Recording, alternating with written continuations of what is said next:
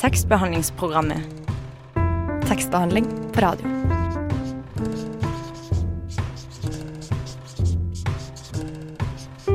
Tekstbehandlingsprogrammet.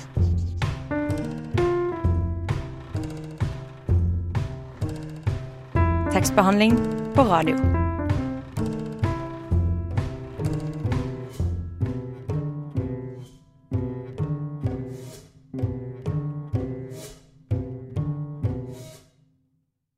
Kjære lytter. Straks får vi i tekstbehandlingsprogrammet besøk av Dan Andersen, som er aktuell med sin fjerde diktsamling, 'Flaggtale'. Ganske passende navn, for vi er jo midt i den heftigste flaggsesongen. Men diktene handler nok eh, kanskje mer eh, om det flagget rep representerer for den enkelte, enn for selve flagginga vi styrer med, sånn med akkurat nå. I studio i dag er jeg, Stine Spjelkvik Hansen, og med meg for aller første gang har jeg Anette Briksdal. Hei, hei. Siden du er en ny stemme for våre lyttere, så tenkte jeg at vi kanskje kunne bli litt bedre kjent med deg. Så jeg tenker å stille et par bokrelaterte spørsmål. Ja. Hva slags bøker er det du leser helst? Nei, altså jeg er jo et eh, produkt av eh, Harry Potter-generasjonen, sånn som veldig mange andre, så de må jeg lese med jevne mellomrom. Ellers er jeg glad i Jon Fosse. Hva er den siste boka du leste, hvis vi ikke teller med flaggtale, da? Du, det var 'Bovara' av Jan Roar Leikvoll. Hvordan var den? Den er, jo, den er jo veldig makaber og grusom og kjip til tider, men den er også skrevet veldig vakkert, så det var absolutt interessant. Ja, det høres spennende ut. Men har du noen litterære guilty pleasures, da? Ja, jeg koste meg ganske masse når jeg leste Hunger Games, da, det må jeg bare innrømme. Det var litt, litt flaut. Kanskje. Eh, men da hadde vi i hvert fall blitt litt bedre kjent med deg. Nå skal vi få høre 'Aiming for Enrique' med låta 'Billion Year Contract'. Du hører fortsatt på tekstbehandlingsprogrammet her på Radio Nova. Nå har vi fått besøk i dette ganske varme studioet. Velkommen, Dan Andersen. Tusen takk. Vi har invitert deg hit for å snakke om diktboka di 'Flaggtale'. Og når jeg ser på boka, så får jeg en skikkelig maifølelse. For på omslaget så svaier det jo det norske flagget på en hvit bakgrunn. Og flagget er jo sentralt for temaet i boka. Den starter med at bokas eh, jeg-person sverger sin troskap til det norske flagget. Men hva handler egentlig boka om? Flaggtale handler egentlig om en uh, person, en mann, som uh, har gått litt den veien, føler jeg, som store deler av Norge har i de siste generasjonene. Han er en slags uh, oppkomling. Han har plutselig blitt ganske så rik. Han befinner seg øverst på rikdomspyramiden i, i verden. Han er ikke blant de rikeste i landet, men han er ganske rik. Og han bor på vestkanten i Oslo. Og han eh, Boka starter altså med at han på en måte prøver å sverge sin troskap til det norske og forsøke å forstå hva det består i. Eh, men så begynner han å tenke seg innover mot sitt eget liv, og så forandres eh, ganske mye. Ja. eh, Jeg-personen virker jo veldig, som du sier, ehm, eh, opptatt av å finne ut hva det innebærer å være norsk. Hva, hva tenker du om det?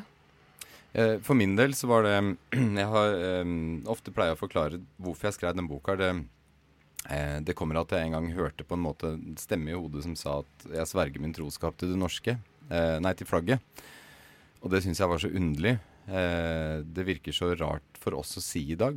Å besverge liksom det nasjonale eller å prøve å finne liksom et sånt nesten nasjonalistisk holdepunkt. da. Og ha en nasjonalstolthet. Eh, fordi at det har på en måte blitt eh, devaluert. Ehm, og da vil jeg prøve å finne ut hvem er det som kan finne på å si noe sånt, og hvorfor vil den personen si det. da.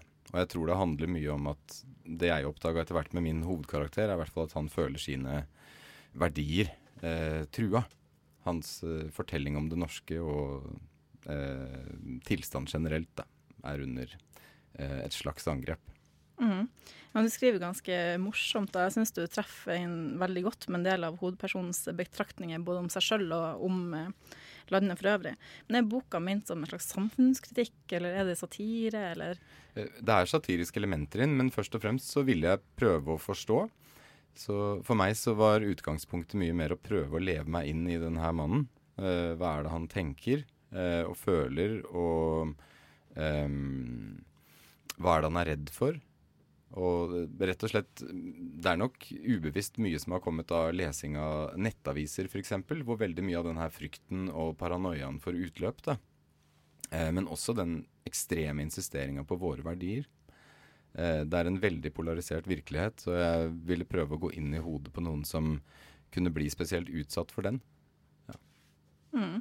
ja nå tenkte jeg at jeg kanskje kunne få høre litt fra, fra diktsamlinga. Skal vi se, Da skal jeg begynne å lese fra begynnelsen, ja, hvor han begynner å sverge litt til flagget. Jeg sverger min troskap til flagget. Jeg sverger på det norske flagg. Jeg sverger min troskap til flaggets farger, og dermed sverger jeg til det gode. Jeg sverger til det røde, og dermed på mitt eget blod. Jeg sverger til det hvite, og dermed på min egen sjel. Jeg sverger til det blå, og dermed på havet og alle våre verdier. Jeg sverger på alle våre verdier. Jeg sverger på å forvalte havet. Jeg sverger på å dra mine kroker gjennom det, trekke fiskene opp, senke bårene i havbunnen og presse oljen ut av korsets midte.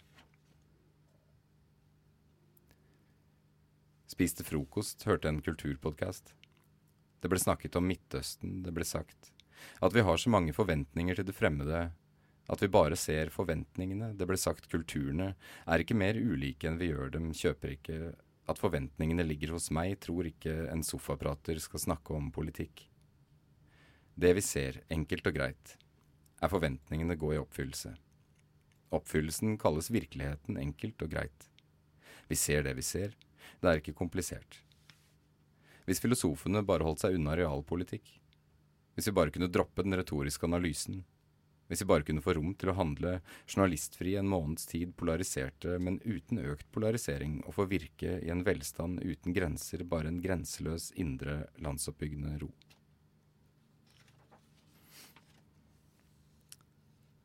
Vi forteller hverandre om ulver i utkanten. Men den som skal komme, er midt iblant oss. Hver dag full av sprengningssignaler, men ingen detonasjon. Det er fortsatt lammenes dag, ingen her vet når det virkelige smellet kommer.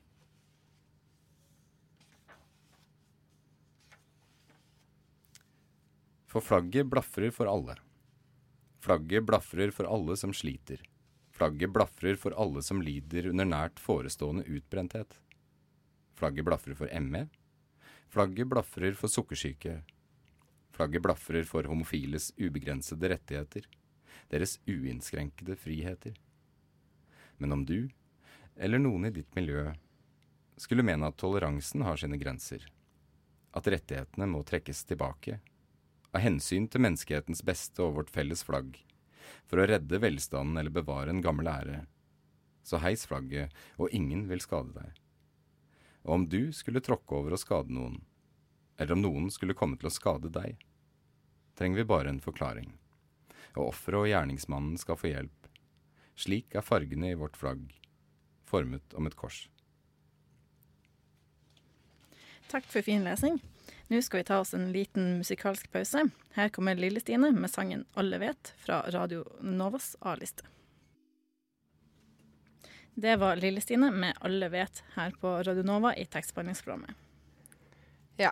Dette her er jeg i boka di. Han er jo ofte ganske sånn eh, rasistisk og kjip, men jeg har veldig merka at de pakker inn i sånn politisk korrekthet. Er det en typisk norsk ting å gjøre, tror du? Jeg tror det, og, og jeg tror eh, Altså, det jeg har prøvd å gjøre, er å la han snakke rett fra levra. Og eh, For han har jo også selvfølgelig den her eh, norske offentlige eh, mentaliteten under snippen. Så han er veldig bevisst på hva han sier og hvordan han presenterer seg, men samtidig så har han såpass mye han ønsker å få ut på en eller annen måte, enten som sinne eller fordi det er en faktisk betraktning han gjør seg, da. Eh, så eh, hvordan skal jeg si det? Det er nok grunnen til at han virker ganske tvetydig innimellom. At eh, sinnet bobler over, og så klarer han å moderere det på en eller annen måte, eller ja. Mm. Da vi skulle liksom finne et eksempel på at han liksom var litt sånn rasistisk, og sånn, så var det litt vanskelig. For Jeg husker jo liksom når jeg leste det, så tenker jeg at ah, det var liksom litt sånn rasistisk, eller det var sånn og sånn. Men når jeg liksom finner igjen, så fant jeg det liksom ikke. For da hadde jeg kanskje liksom tolka det på den måten ut at det sto eksplisitt. Er det noe du har jobba med, at du kanskje har skrevet noe, og så tenker jeg at det er litt for sterkt, han ville moderert seg, og så har du redigert det? Nei, ikke egentlig. Og um, jeg har prøvd å finne ut hva er liksom det sterkeste uttrykket han kan gi uh, det han vil si nå. Så det var en veldig pussig ting. Jeg gikk faktisk og øvde meg på å tenke litt rasistisk og, og lære å tenke stygt. Sånn skikkelig stygt, da. Eh, og det var ganske pussig, for plutselig så begynte jeg å gjøre det òg, innimellom. Eh, men, eh, men, det viktigste for meg var å gi han et så ærlig uttrykk som mulig, og at den her eh, den dobbeltheten skal få uh, komme fram. Da, fordi at han er, jeg tror ikke han er noe dårlig menneske, men jeg tror han har ganske naturlige impulser som alle andre.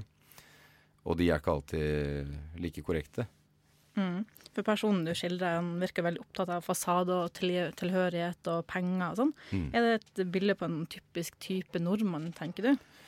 Nei, vet, jeg har jo ikke ment egentlig at det her er en sånn For meg er ikke det her en kritikk av f.eks. Vestkantmannen, da.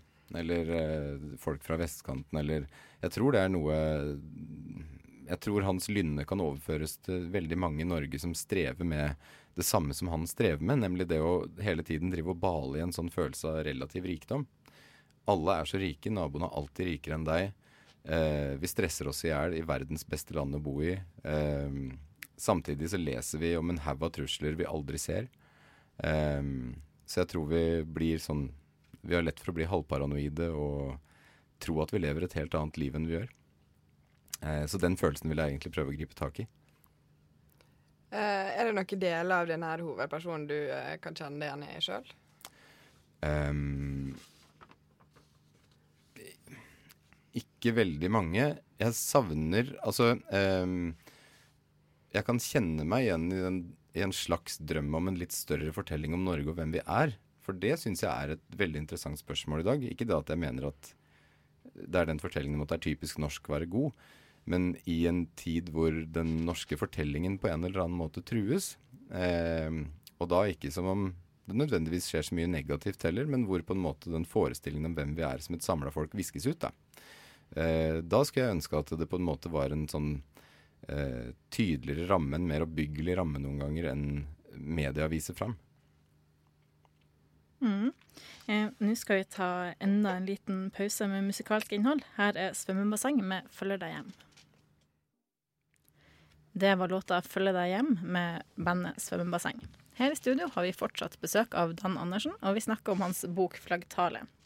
Hvor kom egentlig ideen eller inspirasjonen til boka fra? Er det noe du har jobba med lenge? Uh, altså Jeg har jobba med boka ganske lenge, men uh, ideen kom veldig plutselig. Og så uh, blei det et ganske sånn eksplosivt arbeid med boka. Det var litt som jeg sa innledningsvis, at jeg satt på en kafé eh, i Amsterdam. Jeg var på tur med kjæresten min. Og mens hun var og skulle kjøpe noe, så hørte jeg den der stemmen som sa at jeg sverger min troskap til flagget. Det var sikkert ikke tilfeldig at det var i utlandet at det skjedde, men eh, da lurte jeg på hva det var, og så begynte jeg å skrive. Og så hadde jeg skrevet to dikt, og så plutselig hadde jeg eh, stoff å jobbe med. da. Men det overrasker meg veldig, for jeg har aldri jobba med sånne tematikker før. Jeg har stort sett skrevet dikt om eh, kristendom og kjærlighet og veldig sånn sentrallyriske ting, da. Mm. Ja. Er det noe spesielt, eller noen spesielt, som du har irritert over, som har gjort at du har lyst, uh, fikk lyst til å skrive denne boka? Det er mange ting som jeg har irritert meg over. Eh, en av de tinga som jeg irriterer meg over, som jeg tror jeg deler med mange, er jo selvfølgelig det at vi lever i en sånn der merkelig eh, privat offentlighet, hvor hvem som helst får komme til orde, og eh, eh avisene veit akkurat hvordan de skal ødelegge en debatt etter fem minutter ved å velge de største motsetningene på hver side, og så uh, fyre dem av mot hverandre istedenfor å ha en sindig, ordentlig samfunnsdebatt. Uh, så mye av stoffet jeg jobber med, er jo selvfølgelig uh, i forbindelse med det. Forestillinger som dukker opp i massemedia. da. Mm. Har du da en slags liksom, agenda eller noe sånt med boka? Hva er det på en måte du ønsker å Ønsker du sette i gang en debatt for eksempel, om det her som du nevner nå, eller? Altså, eh, jeg håper boka setter i gang mange debatter, egentlig. Eh, men det veit jeg ikke Det er jo umulig å si. Men det er jo også vanskelig å si at det handler om én ting, for at han, hovedpersonen har så mange agendaer. Og de agendaene hans de flytter seg etter hvor godt eller dårlig han har det. Eh, og det tror jeg egentlig er har vært det viktigste, noe av det viktigste med å skrive fram. Da, at det er sånn vi er, fordi at vi lever i en sånn der type nesten sånn velstandslede. Så vi blir veldig sånn uh, omskiftelige av det. Den konstante fortellingen er borte, og vi har så mange ting vi streber etter. Og det gjør oss veldig utsatt i mange retninger, da, for vi strekker oss veldig langt for å nå uh, drømmene våre.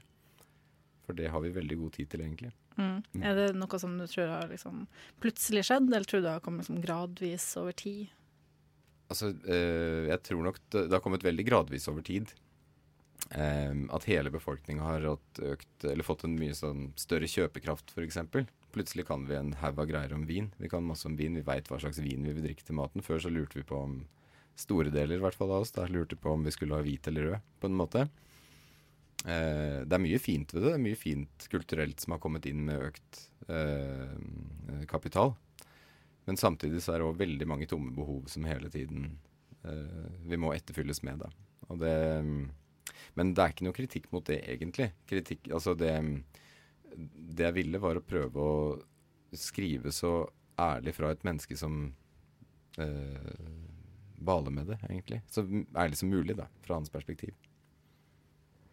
Hadde du noe ønske om å uh, provosere når du skrev dette her, eller uh, hva reaksjoner var det du håpet på?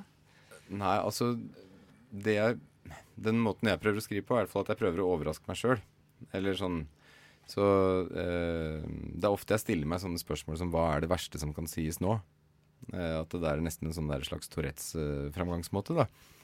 Eh, så det er det som stort sett driver skrivinga mi. Og så jeg, bruker jeg mye tid etterpå på å finne ut av hva det er. Men um, eh, Nei, jeg tror ikke jeg hadde noe eksplisitt ønske om å provosere. Men jeg hadde et ønske om å skrive veldig, veldig tydelig.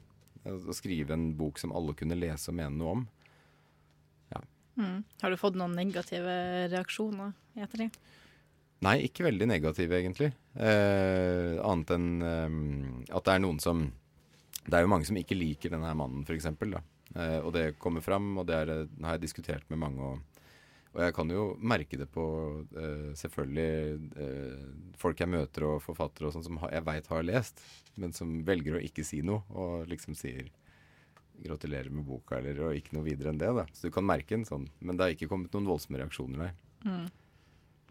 Ja. Eh, vi skal snakke mer om flaggtale etter at vi har hørt det 'Entler' med 'Nude'. Det var 'Entler' med 'Nude'. Nå skal forfatter Dan Andersen lese litt fra boka si 'Flaggtale'. Én ting har jeg forstått. I rike land begynner alt med ekstrem selvtillit og slutter med paranoia. Den ambisiøse slår seg opp og blir rik. Siden vokter han rikdommen. Menneskerettighetsadvokaten på Montebello bruker pensjonisttilværelsen på å slåss mot asylmottak. Kona, 73, er redd for å få flyktningene inn i kroppen sin. Komikeren får folket til å le, og forskanser seg i villaen med automatvåpen. Resten av samfunnet, eller i det minste de fleste, tror seg trygge og stoler på mennesket. Bærer på forestillinger om vår iboende godhet. Men blir én av naboene, eller for den saks skyld bare noen medborgere, fra andre siden av byen eller landet, ofre for væpnede ran og overfall, suger man frykten ut av avisforsidene og lagrer den i valker. Om ett eneste menneske av fem millioner blir oppdaget idet det spiser et annet, eller skulle vise seg å ha født barn i hemmelighet, for så å drepe dem og fryse dem ned, trygler vi om at noen skal komme og redde oss fra hvem, som om vi selv satt fanget i kjelleren. En tanke. Det er ikke bare Josef Fritzel som er Josef Fritzel. Det finnes flere Josef Fritzel og flere døtre som skal føde fedrenes barn, i bokstavelig og overført betydning, for alt vi vet, her i landet hvor vi bor, er vi alle kjellerdøtre. Som Facebook og Twitter en rover av gode intensjoner, skvulper frykten i landsmennene og gjør oss angripelige. Det at ingen marsjerer for annet enn prinsipper, eller kun protesterer i vennegrupper på nett, gjør oss mer sårbare enn vi tror, mer utsatt enn rikdommen tillater om du ikke er klar for å dø vil jeg ikke høre snakk, om ytringsfrihet ikke høre snakk, om et verdig liv i slike spørsmål har du ingen rett. Du har ingen rett. Til å ta bilder av frokosten din hjemmelaget musli med friske bær, ingen rett. Til å holde deg oppdatert, poste innlegg, ingen rett. Til å hetse politikere for utsendelsen av asylbårne, ingen rett. Til å protestere mot nedleggelsen av Tronsmo-sakene rangert. Fra minst viktig til viktigst. Har du husket å slette bildene av barna dine? Har du husket å avbestille Al Jazeera? Husk at det er typisk norsk å være god. Og derfor er det typisk norsk å ha en slavenatur. Ikke minst jeg du, håper jeg du husker at du har forandret deg. Og at du ikke ligner forfedrene, de vi med en viss mengde patos hevder at bygde landet. Dem som i sin samtid også var omgitt av livredde skygger, som stilte seg på kne for en sekk poteter og gråt så fort Gud eller pisken kom fram, og derfor ble behandlet som slavene de var. Dyden bor i handling, ikke kvaler. Det spiller ingen rolle om oldefar skamklipte tyskertøsene av hjertets godhet, eller som flokkdyr horene fikk bedre enn fortjent. Ingen kan terrorisere de fryktløse, ingen kan knekke en ubendig vilje. Den gode tyven lærer seg å stjele like godt uten hender. Hvem skal redde bøddelen fra bombene våre? Du kan ikke stoppe smerten før du møter den. Du kan ikke unnfly døden. Før du vil rispe ditt eget øye, ingen rettferd, uten at du faktisk reiser.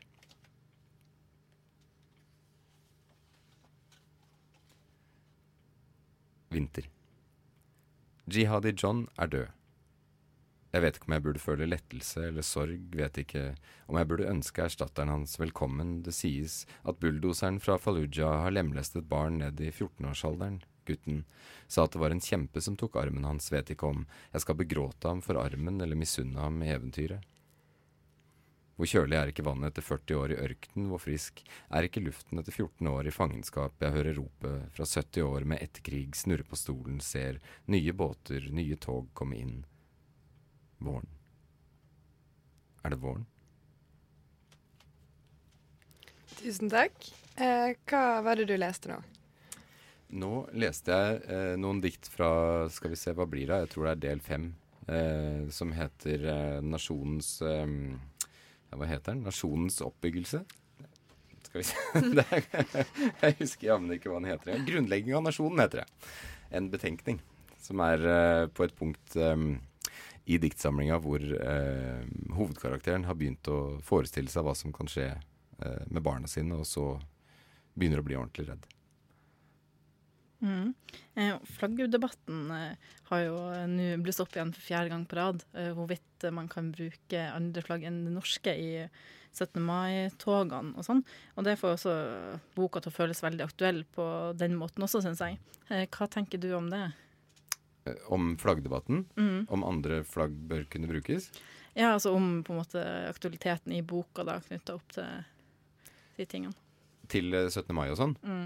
Ja, nei, der føler jeg jo på en måte at boka er ganske aktuell. Og det var det en anmelder som sa at det her burde ha vært en sånn alternativ 17. mai-tale rundt om i Norge, da. Um, og det er rett og slett fordi at det er en Jeg føler at det er en nyansering av en uh, fortelling som ikke lenger holder mål. Um, så, så, jeg tenker jo at den er viktig Eller altså uh, Den skriver seg opp mot merkedager, selvfølgelig. Ja. Ja, eh, Tidligere i vår så lagde du en sånn eh, lydboksingel for eh, Ferdig snakka. Mm. Eh, kan du fortelle litt om det? Syns du den er representativ for eh, boka di? Om den singelen er representativ for boka he som helhet, veit jeg ikke. Men uh, den tar på en måte utgangspunkt i en uh, Hva skal du si En del av en av de sinnstilstandene hovedpersonen befinner seg i. Og jeg likte veldig godt det eh, som Sandra Kolstad gjorde med musikken. Fordi at jeg følte at det her fikk en sånn derre eh, Nesten sånn, eh, hva skal jeg si Du veit det er voiceover-reklamene før kinofilmer. Hvor eh, man ser flotte bilder av norsk natur og sånne ting. Og, og det går en sånn eh, hva skal jeg si, mer trendy elektronikamusikk i bakgrunnen. Og eh, det viste en sånn jeg, syns, jeg likte at det hørtes litt, også litt ut som reklame. Eh, for det er litt i hans eh, ånd, det der å ha et sånt eh, Særlig det partiet å ha et helt sånn paranoid utgangspunkt av å ikke ha noen sånne grunnfaste eh, Hva skal du si eh, Ja, at det ikke er så grunnfast. Det er ikke Jeg syns den ustabiliteten var veldig godt til stede. Ja. Mm. Eh, og som du nevnte nå i sted, så er jo boka delt opp i ulike deler. Og Likevel så syns jeg at diktene alle synes å være veldig sånn, tett knytta. At man kan på en måte lese det som en eneste lang fortelling, nesten som en slags uh, roman, egentlig. Uh, men kan man lese diktene hver for seg, og at de gir mening i seg sjøl, eller må man på, en måte lese flere, da? I, det er helt klart noen som mener seg bedre til å lese opp aleine enn andre. Eh, men samtidig så har jeg ønska å skrive dikt som hver for seg tar opp sitt eh, eget stoff. Så det kan leses og eh, eh, forstås og tenkes over av hvem som helst. da. Jeg tror ikke det er nødvendig at eh, hovedkarakteren må eh, være etablert i hvert eneste dikt eh, for at de skal kunne leses, eller tåle å leses. Mm, så at man kan liksom lese den på flere måter, da. At det gir, fortsatt gir mening. Ja, men jeg syns uh, det viktigste for meg er at altså, Det er veldig viktig at det er en slags historie der. Uh, og at det er en uh, type også skjebnefortelling. Da. Mm. Ja. Eh, tusen takk for at du tok deg tid til å komme og besøke oss denne varme maidagen. Eh, Nå skal vi høre 'Drøm' med 'Bakom øynene dine'. Sangen du nettopp hørte, heter 'Bakom øynene dine' og ble levert av Drøm. Tidligere i år vant Jenny Jordal, Marta Breen og Madeleine Schulst en pris fra Kulturdepartementet for boka F-ordet. Men allerede i fjor høst intervjua vår tidligere kollega Marie Vallestad tegneren Jenny Jordal om hennes tegneserieblogg 'Livet blant dyrene'. Her får du et gjenhør med det. Velkommen hit i dag eh, til Emla-festivalen nummer to. Eh, jeg kan gjerne høre litt lyd for det. Eh, først ut i dag så har vi Jenny Jordal, som eh, er eh, for mange er hun kjent som en blogger, lager tegneserier, du er grafisk designer, du har mange ild i hjernen. Og du skal ja, bokbades eller ha samtale med Marie Vallestad fra tekstbehandlingsprogrammet på Radio Nova. Eh, og dere kan bare begynne nå. Eh, du er vel eh, Du er jo grafisk designer, Ja. egentlig. Men du er kanskje mer kjent for Livet blant dyrene, som er en tegneserie. Det stemmer. Det er Ja. en tegneserieblogg.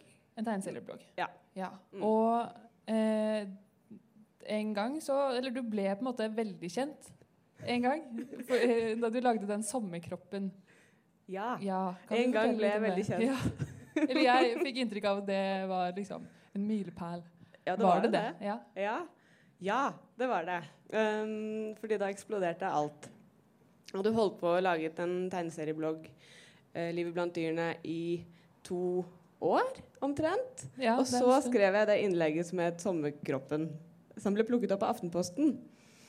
Og da eksploderte alt. Så ble det lest av 200 000 på to dager, og det var ville tilstander. Så ble jeg rikskjendis i 30 minutter. Shit. Eh, og det ga deg på en måte Eller jeg tenkte, har tenkt over det ga deg på en måte en merkelapp som eh, feministisk tegner. Fordi du er dame, og du tegnet noe som handlet om kroppspress. Og det er jo sånn typisk feministting. Eh, og da blir man automatisk en feministisk tegner. Syns du Hva tenker du om det? Jeg tenker måte. jo at det er, helt, det er jo en helt naturlig og riktig merkelapp å få. Ja. Ja. Det innlegget det handlet jo om Det var etter eh, Sommerkroppen 2014 og den SK14-hashtagen som hadde gått sånn amok. Og et sånn kjempekroppspress. Eh, at folk eh, ikke bare var folk veldig kritisk til seg selv, men også liksom til, til alle andres kropp. Så man kunne liksom si veldig mye eh, om folks kropper uten at det Um, var noe hinder for det. Det ble nesten sånn man bedømte hverandre. Og kroppspress er jo en sånn ting som rammer eh, kvinner mer enn menn, selv om det rammer menn også. Så da er det jo naturlig å se det i en feministisk sammenheng, tenker jeg. Mm. Og, og kalle meg en feministisk tegner. Så det var jo helt OK. ja, ikke Ja. sant? Fikk du noen reaksjoner eh, når du fikk så mye publisitet? Eller sånn, hva slags reaksjoner fikk du? Masse bra og masse dårlig. Ja. Men det dårlige var jo i kommentarfeltet. ja. Ja. Var det litt uventa? Eh, Eller? Det, det var jo uventa fordi at jeg aldri hadde vært i, i rampelyset på den måten før, da. Så, um, så det å på en måte bli uh, kasta ut i debattfeltet i Aftenposten med, med hud og hår, bokstavelig talt, liksom, for det var det jeg skrev om Så, um, så uh, de tilbakemeldingene som var veldig negative, det var jo Jeg hadde aldri opplevd det før, selv om jeg visste at det var sånn.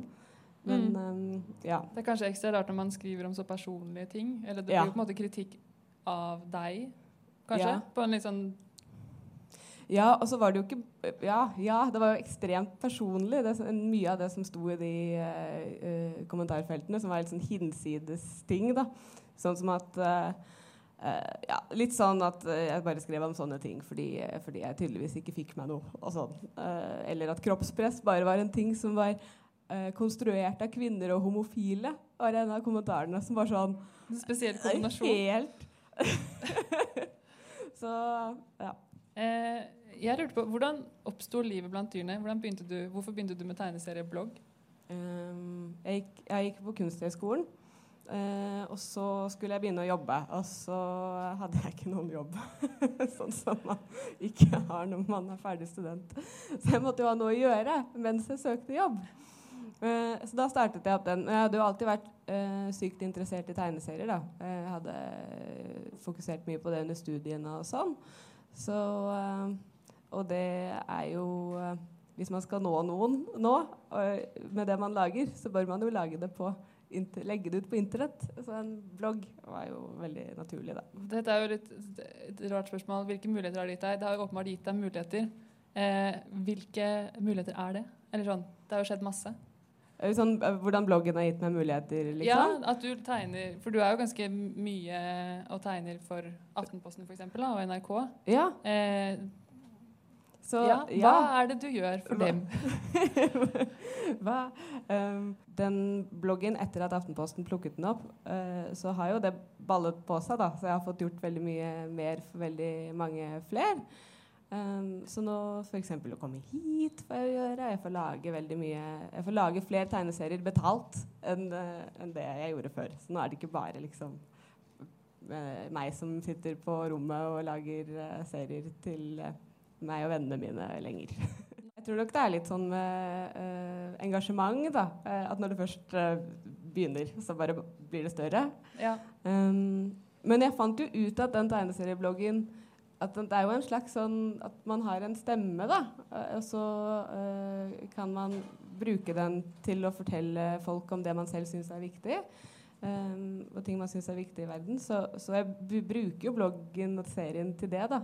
Tror du eh, tegneserie gjør at det er sprer budskapet på en annen måte enn det ville gjort hvis du bare hadde skrevet tekst? Ja. Og er det, er det en ny ting, eller er det, no, er det, no, føler det er noe som har oppstått nå i det siste, kanskje? Med Eh, blogg og tegne... Liksom med blogg og tegneserier. Ja, kombinasjonen. Altså, det har jo skjedd sinnssykt mye med tegneserier etter internett. bare. Um, så, så det har jo oppstått veldig mange nye former for tegneserier. Og, og, og man tilpasser det sånn som sånn sosiale medier og sånn. da. Eh, at um, klærte eh, tegneseriebilder uh, er lettere å spre enn kanskje en kronikk uten bilder og, og sånt. Mm. Um, tegneserieblogg er jo en sånn ting som er mellom en tekst og en tegneserie, f.eks. Jeg syns det er dritkult at media har uh, akseptert tegneserier som noe som kan være med i debattdelen. Det, og i, uh, som, ikke, som ikke er en karikaturtegning. Fordi um, jeg føler at sånn, sånn, Den gamle synet på tegneserier er sånn at karikaturtegninger det er egentlig ikke en tegneserie. Det er litt sånn en, en voksen tegning og en eh, politisk kommentar. Og så tegneserier er noe som er laget litt for barn. Uh, eller uh, for, uh, ja, for barnslige voksne. Mm. Mens nå er det ikke sånn lenger. Nå er jo tegneserier på fullt inntog inn i politikken og inn i samfunnsdebatten og inn i folks liv på helt andre måter enn før. Mye pga. internett også, tror jeg. At Ja. folk har akseptert det, folk har sett et potensial veldig mye tydeligere. Fordi nå møter du det overalt. Det er ikke sånn at du må gå til en tegneseriebutikk, eller at du må kjøpe et blad, eller ja, sånn. Mens eh, nå blir det jo delt og spredd på en helt annen måte, da. Eh, det tar meg litt videre til F-ordet. Den eh, boka til Martha Breen og Madeleine Schultz som du var med på. Ja. Eh, du fortalte meg på tidligere hvordan du ble med på den, men kanskje du kan fortelle det til alle sammen Ja. også? Fordi Ja. det var ganske morsomt. Dette er litt morsomt. Dette er jo en sakprosabok um, øh, om øh, feminisme. En slags håndbok i feminisme rettet mot yngre. Som de skulle gi ut på et manifest. Og så, um, så ville de ha den illustrert, egentlig. Så de ville se hva som rørte seg. Og de ville, de ville veldig gjerne De hadde sett mot Sverige og sett at der var det et et, et yrende svensk eh, feministisk tegneseriemiljø. Og de ville sjekke om det var noe sånn i Norge òg. Så de utlyste en konkurranse.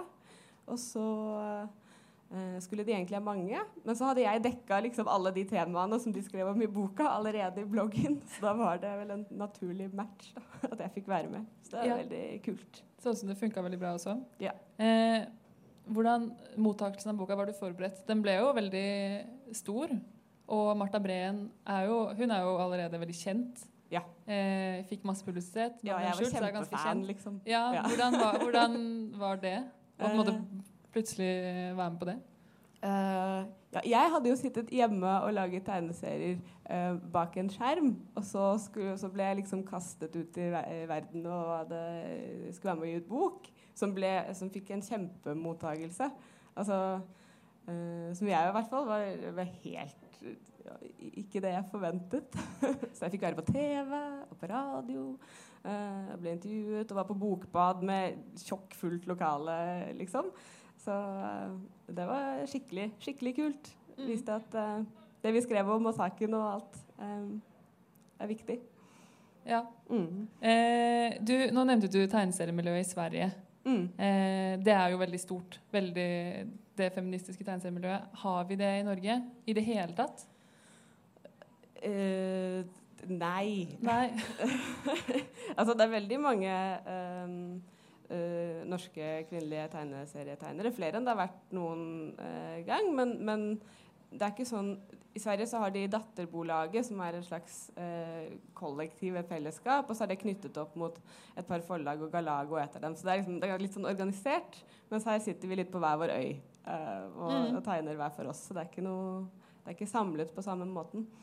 Mm, og det er litt synd, syns jeg. Ja. Ja. Burde kanskje organisert seg litt òg, da. Jeg tror de i Sverige virker som de har gjort det selv. Ja. At de på en måte har gått sammen, og så har de Ja.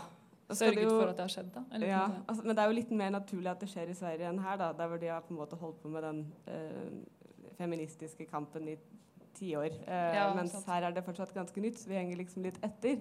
Så det virker ikke så eh, Folk har ikke den samme som støtten i ryggen. Jeg blir ikke dytta til å gjøre det, da, sånn som der, Nei, tenker jeg. vi får ta tak i det. Ja. det syns jeg vi skal gjøre. Kult. Takk. Jeg tror vi er ferdig. Er vi ferdig? Ja. Yes. Har du noe eh, du vil tilføye? Nei, Nei. jeg tror ikke det. det Da syns jeg vi skal gi en stor applaus til Jenny Jordal.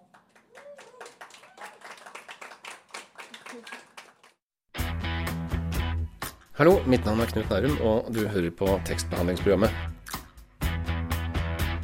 Jeg går i hvert fall ut fra at du gjør det. Det var dessverre alt vi hadde for denne gangen. Gikk du glipp av deler av sendinga, eller noen av våre tidligere sendinger, så finner du dem i iTunes. Der heter vi Tekstbehandlingsprog. Eller på SoundCloud, der vi har fått plass til hele navnet vårt. Og selvsagt på radionova.no. På nevnte nettsted finner du dessuten tips fra oss til hvilke bøker du kan ta med deg ut i parken på herlige forsommerdager som denne. Før vi runder helt av, Anette, hvordan syns du at de første sendingene har vært? Du, jeg har kost meg veldig. Det har jeg. Så bra å høre. I studio i dag var oss eh, Stine Spilke Johansen og Anette Briksdal.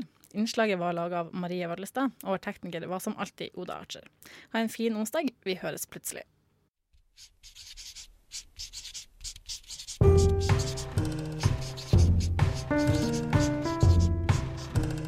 Tekstbehandlingsprogrammet. Tekstbehandling på radio.